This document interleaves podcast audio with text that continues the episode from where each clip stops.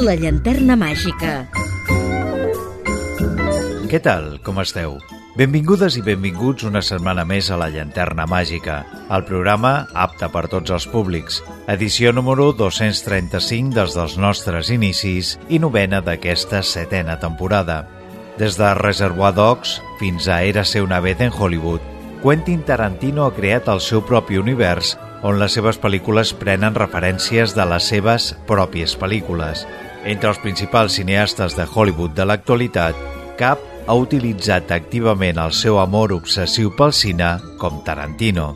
Les seves pel·lícules es construeixen a partir de múltiples referències del passat que després de ser assimilades i reinterpretades adquireixen major força gràcies a la construcció del seu propi univers.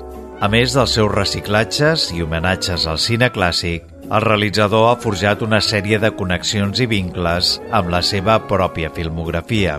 Avui coneixerem una mica més de l'univers Tarantino a través d'una de les seves produccions, Kill Bill, volum 1. Però abans d'endinsar-nos en el tema, deixeu-me que us recordi que podeu seguir la nostra activitat i escoltar els darrers programes emesos a les xarxes socials. Segueix el programa al Facebook facebook.com barra la llanterna màgica. Tenim una adreça de correu electrònic per si us cal contactar amb nosaltres o fer-nos arribar les vostres consultes o suggeriments.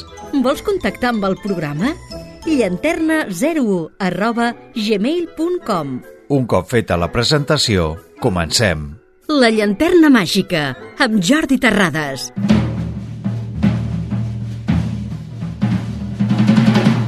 L'origen de Kill Bill va sorgir mentre Quentin Tarantino i la seva fogositat cinèfila rodaven Pulp Fiction. El cineasta va quedar enamorat d'Uma Thurman i volia que fos la protagonista del seu següent treball. El cineasta va esbossar algunes idees i va imaginar una història de venjança d'una assassina reconvertida a la recerca de justícia i redempció. Tot va quedar en un gest del cineasta portat per l'emoció d'intentar rendir el seu personal homenatge al cinema asiàtic que tant admirava. Anys després, i després de realitzar Jackie Brown, pel·lícula rodada l'any 1997, va arribar el moment de donar forma a la idea embrionària d'una núvia a la recerca de venjança. I aquí, Tarantino, aprofitant que era el moment idoni per fer-ho, intentaria aconseguir la màxima llibertat creativa per crear un film d'acció, arts marcials i imposar el seu estil. Acció i sang a cop de katana, aconseguint una pel·lícula tremendament entretinguda, encara que deixant enrere alguns dels seus principals baluars del seu estil per reinventar-se, influït per les pel·lícules d'explotació. It was a teenage wedding and the old folks wished him well. That Pierre did truly love the mademoiselle. And now the young monsieur and madame have rung the chapel bell. C'est la vie, say the old folks. It goes to show you never can tell. They furnished off an apartment with a two-room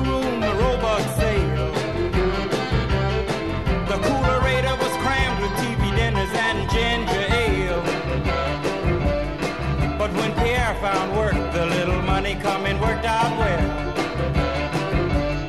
C'est la vie, say the old folks. Goes to show you never can tell.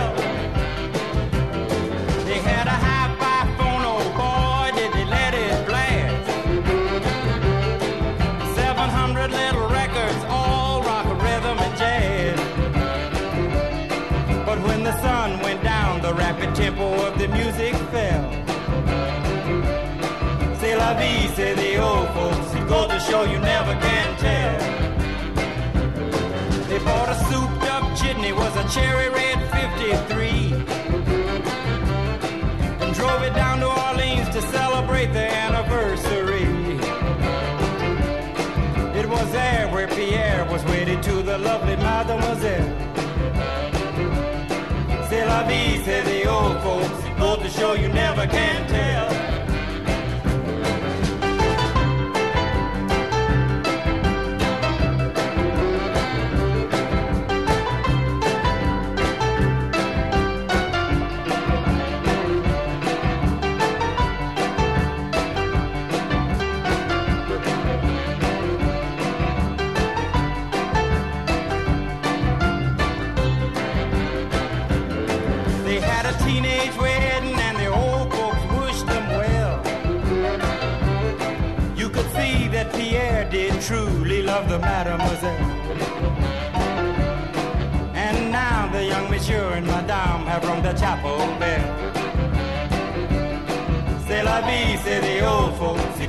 Show you never can tell.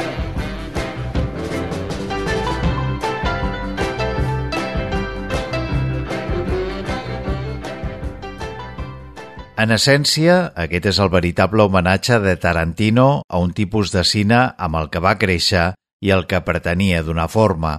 El realitzador volia introduir elements de cine d'arts marcials, tot i que era conscient que rodar pel·lícules d'acció no era una tasca gens fàcil i s'ho va marcar com a un objectiu.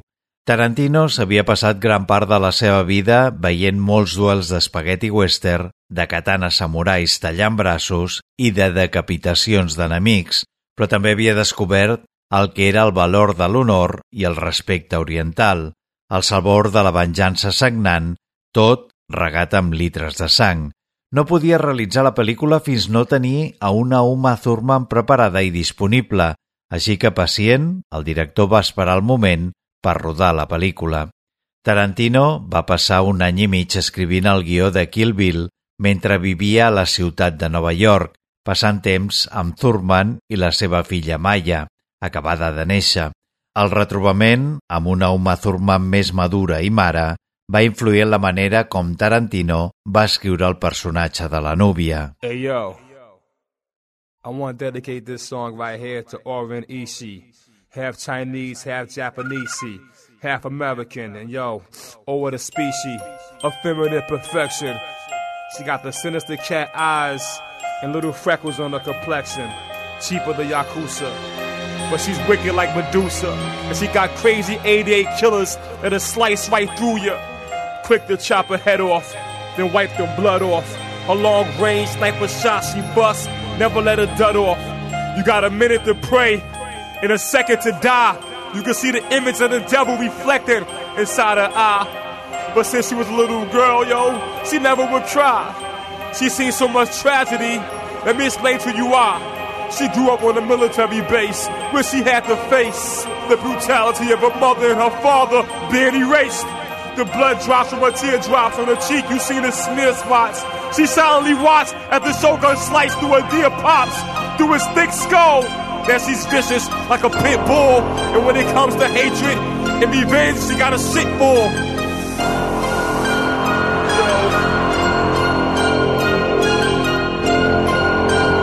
Revenge is the fire that burns inside your soul.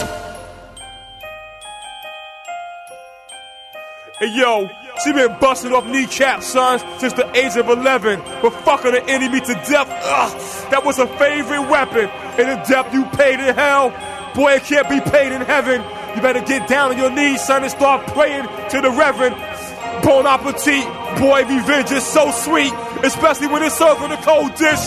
But she has no wish but to cut your day short like the winter solstice. And a chance to receive a slight bit of mercy from all was hopeless. Over in Ishi, half Chinese, half Japanese, half American. Wow, yeah, over the species. Esperar un temps abans de rodar Kill Bill va ser tot un encert i el director no volia sentir a parlar de canviar Uma Thurman per una altra actriu. Tarantino havia dibuixat excel·lents personatges, és un dels talents del cineasta, igual que magnífics diàlegs, i a Kill Bill es veu clar, tot i que potser li dona un protagonisme excessiu al personatge principal, deixant els secundaris una mica desplaçats, cosa no gaire habitual en el cinema de Tarantino. Però amb la núvia, Quentin aconsegueix un personatge del seu estil, tot i que en aquesta ocasió deixa pas a la sang, l'acció i el virtuosisme visual, posant tots aquests elements per sobre dels diàlegs. Thurman té un paper difícil, molt complex, saltar, manejar la katana, parlar japonès, posar-hi el sentit tràgic i d'ira per contagiar l'espectador i justificar la seva odissea venjativa. I tot aquest esforç va donar com a resultat una notable producció.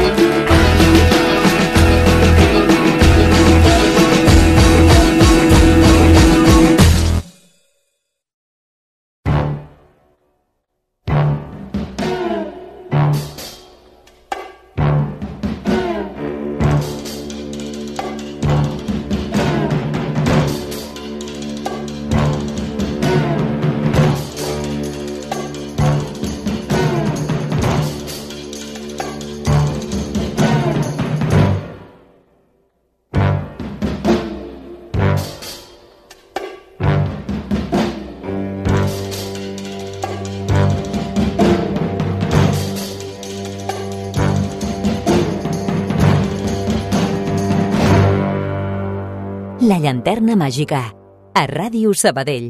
L'any 2001, Uma Thurman va estar a punt de renunciar al projecte al quedar-se embarassada del seu segon fill, l'Evon, fruit de la seva unió amb l'actor Ethan Hawke, tot just quan estava a punt de començar el rodatge de la pel·lícula.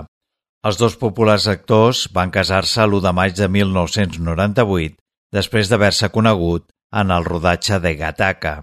Hawke li va demanar matrimoni en dues ocasions i al final van haver de córrer, ja que Uma, el dia del seu casament, estava embarassada de set mesos de la seva primera filla, Maya Ray. La parella va acabar trencant-se l'any 2005.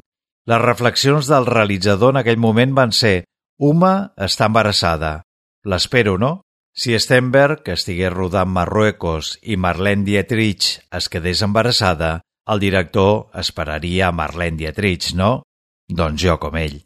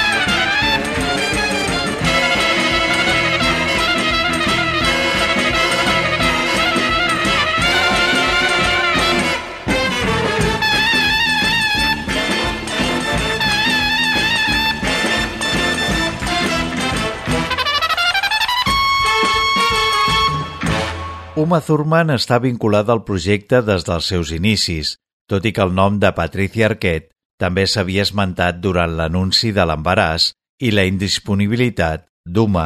Warren Beatty havia estat escollit per interpretar el paper de Bill, però finalment es va retirar després de que el projecte es posposés.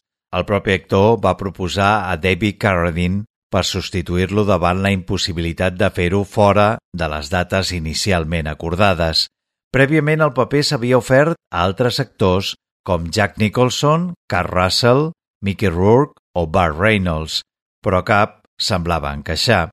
També es va tantejar a Kevin Costner, però l'actor no va poder acceptar l'oferta perquè tenia el compromís de dirigir i protagonitzar Open Range. Tarantino inicialment volia confiar a Michael Madsen el paper de Johnny Moe, el cap visible de l'exèrcit personal d'Orin, els 88 bojos, Finalment, el personatge va ser interpretat per Gordon Liu, mentre que Michael Madsen dona vida a Bat, germà de Bill i exmembre de l'esquadró assassí Víbora Letal. Gran fan de la pel·lícula Battle Royale, Quentin contracta a Chiaki Kuriyama per interpretar el paper de Gogo Yubari, guardaespatlles personal d'Orin.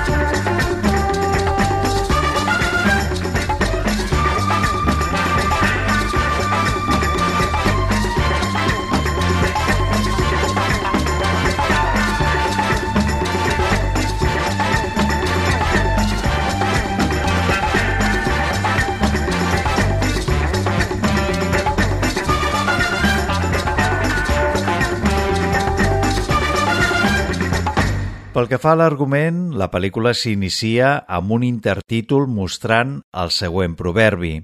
La venjança és un plat que serveix més aviat fred. El dia del seu casament, una assassina professional coneguda com la núvia, embarassada, està severament ferida, recolzada a terra, parlant amb Bill sobre el bebè que porta dins. Malgrat això, Bill li dispara un tret al cap.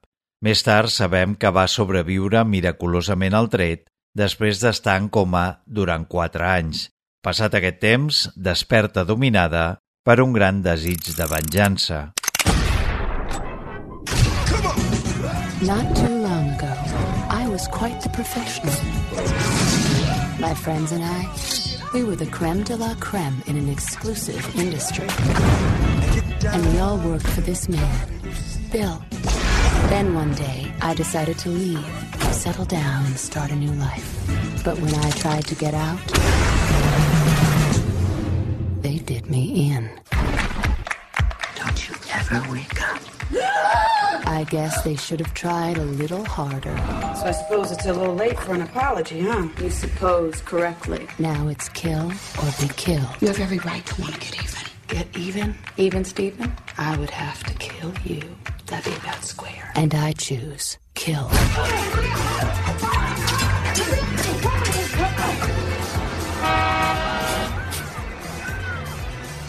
Mommy, I'm home. Hey, baby. How was school? One ticket to Tokyo, please. One way. That woman deserves her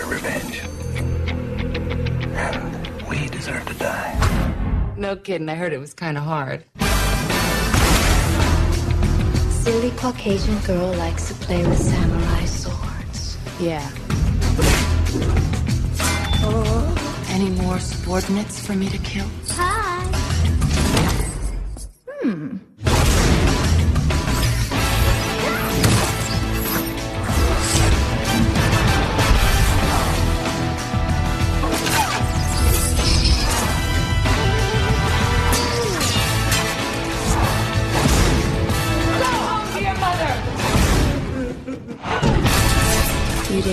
Going be that easy, did you?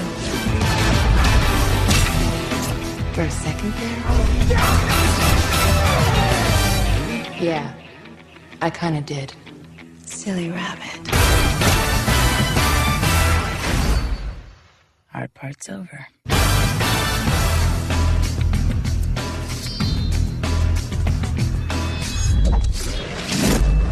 Every time get to sing a fella with a lot on my mind. And I'm a looking for me a woman, but she's mighty hard to find. Lord, ask my country cousin, check the hottest spots in town. Oh, that little bitty woman, well, she just ain't around. Hey, oh,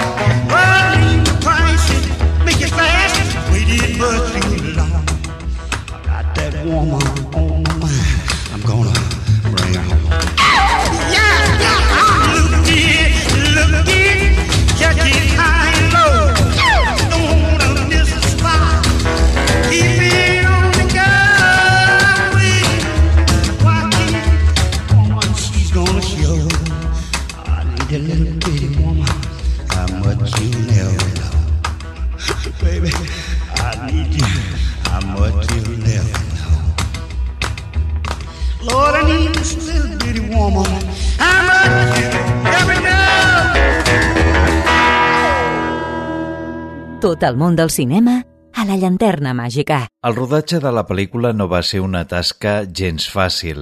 Va començar el mes de juny de l'any 2002 a la Xina i no va finalitzar fins al mes de febrer de l'any següent, vuit mesos per rodar les imatges de Kill Bill volum 1 i 2, que originalment havia de ser una única pel·lícula, tot i que finalment es van estrenar com a cintes independents. La impressionant exhibició de sang a Kill Bill va quedar quantificada. Christopher Allen Nelson, un dels responsables del disseny de maquillatge per a efectes especials, va manifestar que es van fer servir entre les dues pel·lícules 1.703 litres de sang falsa per ruixar, vessar i descarregar. Aquest malbaratament s'explica en el desig de Tarantino d'evitar l'ús d'efectes visuals per replicar una cosa que ell considerava essencial. Calia donar a les imatges un to similar a la de les seves estimades pel·lícules asiàtiques de samurais dels anys 60 i 70.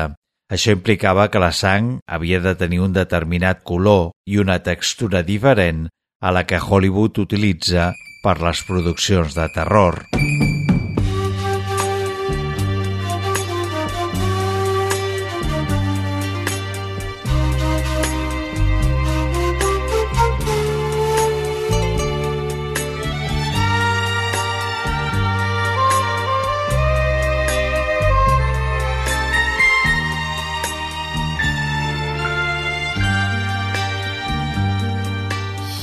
んでいた。朝に弔いの雪が降る」「はぐれ犬の遠吠え。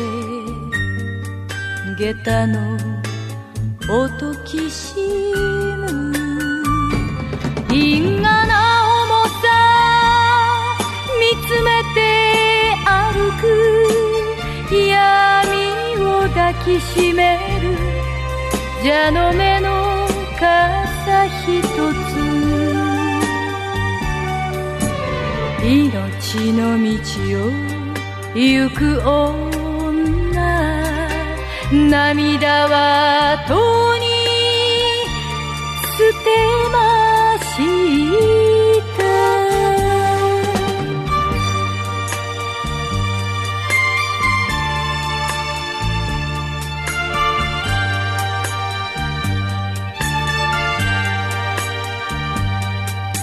振り向いた。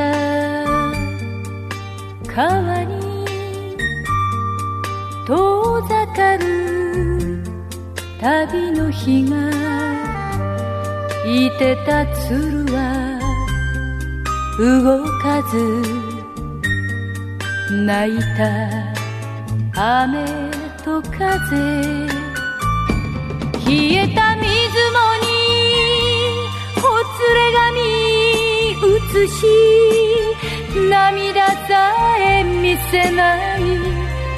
蛇の目の傘ひとつ。恨みの道を行く女。心はとに捨てました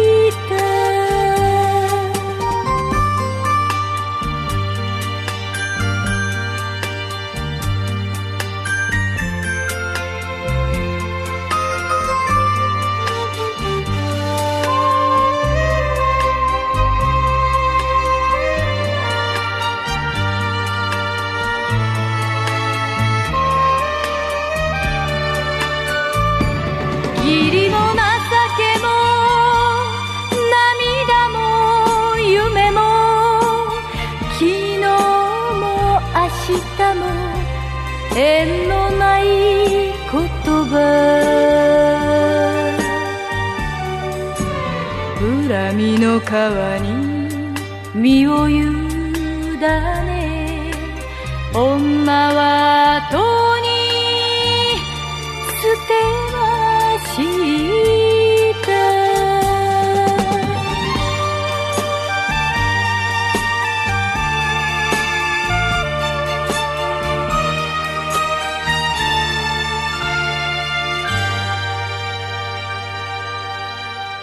La necessitat d'apel·lar als usos i costums tradicionals, segons cita en diverses memòries del rodatge, va portar fins i tot a Tarantino a avalar l'ús de preservatius fabricats a la Xina a les escenes en què veiem esclats de sang. Pel que sembla, els protagonistes d'aquelles pel·lícules tradicionals d'arts marcials, acció i baralles, filmades dècades enrere a l'Extrem Orient, feien esclatar, al moment oportú, aquests preservatius amagats per aconseguir l'efecte desitjat del raig de sang esquitxant tota l'escena. Això era el que buscava Tarantino, encara que no es va poder confirmar si efectivament va aplicar a totes les escenes d'acció aquest mètode.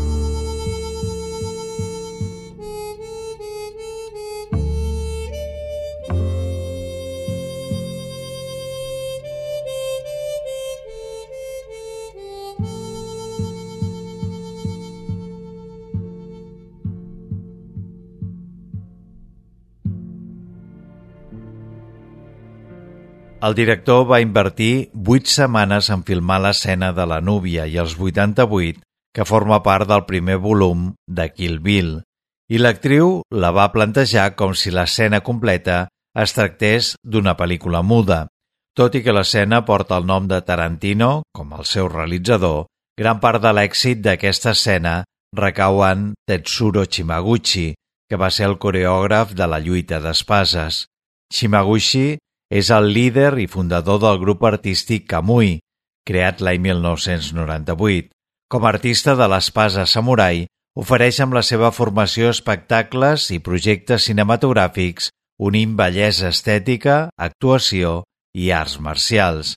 Enfundada en el seu inconfusible xandall groc, cada vegada més tenyit del vermell de la pròpia sang i aliena, Uma Thurman utilitza l'espasa samurai com si fos una prolongació del seu propi cos, però darrere d'aquest resultat que és evident hi ha un gran esforç. Tarantino va imaginar l'escena com l'equivalent en termes d'arts marcials a la famosa escena bèl·lica d'Apocalipse Now que Francis Ford Coppola va il·lustrar amb la música de la cavalcada de les Valquíries de Richard Wagner.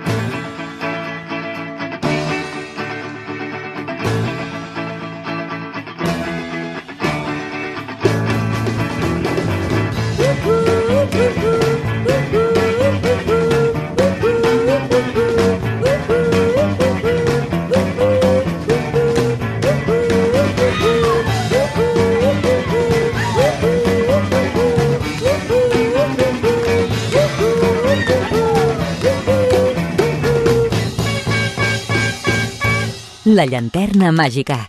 Disponible a Spotify, Apple Podcast i iVox. Abans del rodatge es va presentar un problema molt complicat. Si hi havia algú que no estava a priori en condicions de filmar escenes d'arts marcials per les seves característiques físiques, aquesta era Uma Thurman.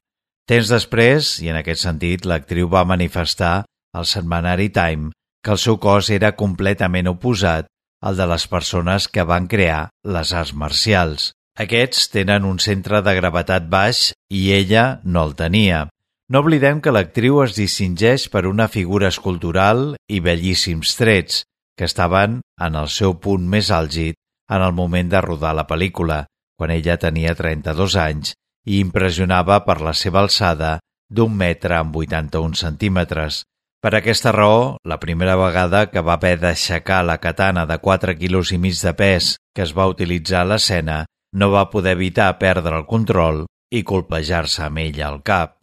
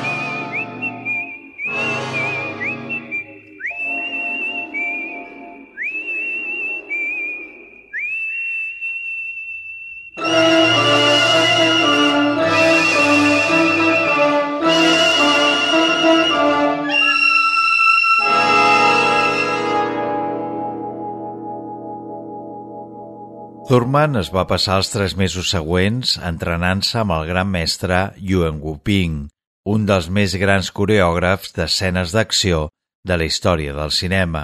A l'expert, nascut a Hong Kong, li devem els èxits en aquest sentit, aconseguits a les pel·lícules Matrix o Tigre i Dragón. Al seu costat, l'actriu va aprendre a interpretar cada moviment d'arts marcials com si es tractés d'una dansa.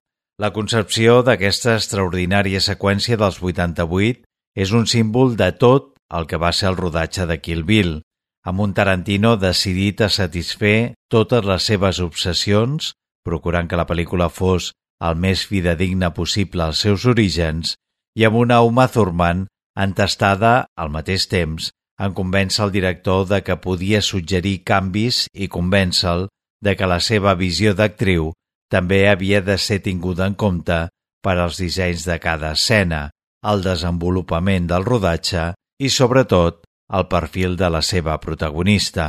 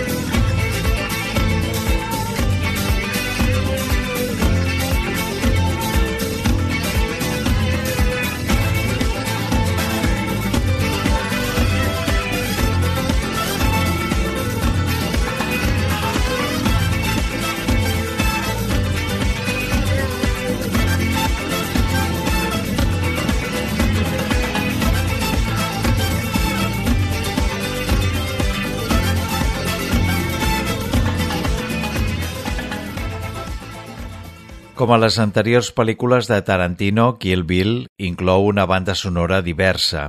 Els gèneres inclouen música country i partitures d'Spaghetti Western d'Ennio Morricone, el tema de Bernard Herrmann de la pel·lícula Nervios Rotos el xiula l'amenaçadora El Drive a l'escena de l'hospital. Un breu fragment de 15 segons de l'obertura del tema musical Ironside de Quincy Jones també s'utilitza com a motiu de venjança de la núvia. I precisament, quan el personatge de la núvia entra a la sala de House of Blue Lips, la formació de rock japonès 5.6.7.8 interpreten I Walk Like Jane Mansfield, de Lonely Shepherd, del compositor James Last, interpretat pel virtuós de la flauta de pan Georgi Zamfi, acompanya els títols de crèdit de la producció.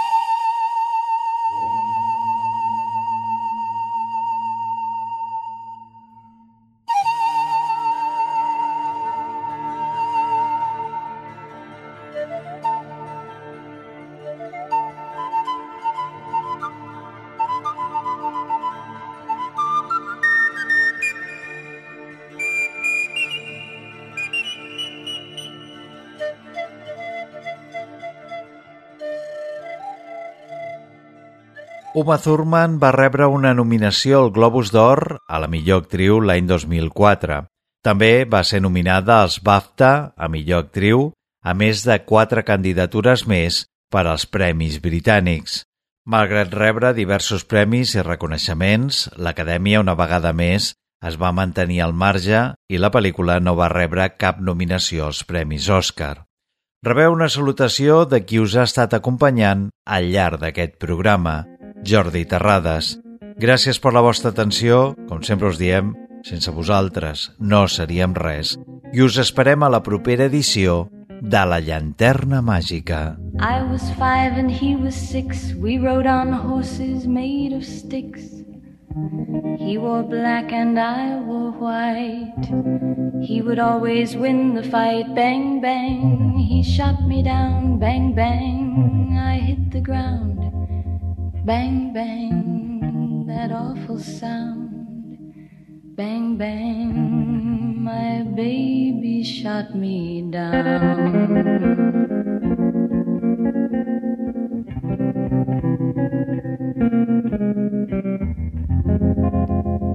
Seasons came and changed the time. When I grew up, I called him mine. He would always laugh and say, Remember when we used to play? Bang, bang. I shot you down, bang, bang. You hit the ground, bang, bang. That awful sound, bang, bang. I used to shoot you down.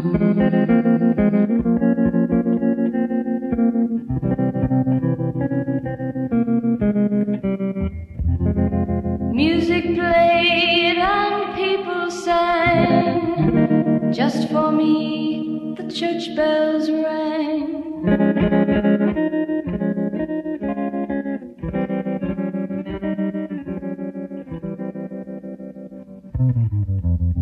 Now he's gone, I don't know why. And till this day, sometimes I cry. He didn't even say goodbye, he didn't take the time to lie. Bang, bang. He shot me down, bang, bang. I hit the ground, bang, bang. That awful sound, bang, bang. My baby shot me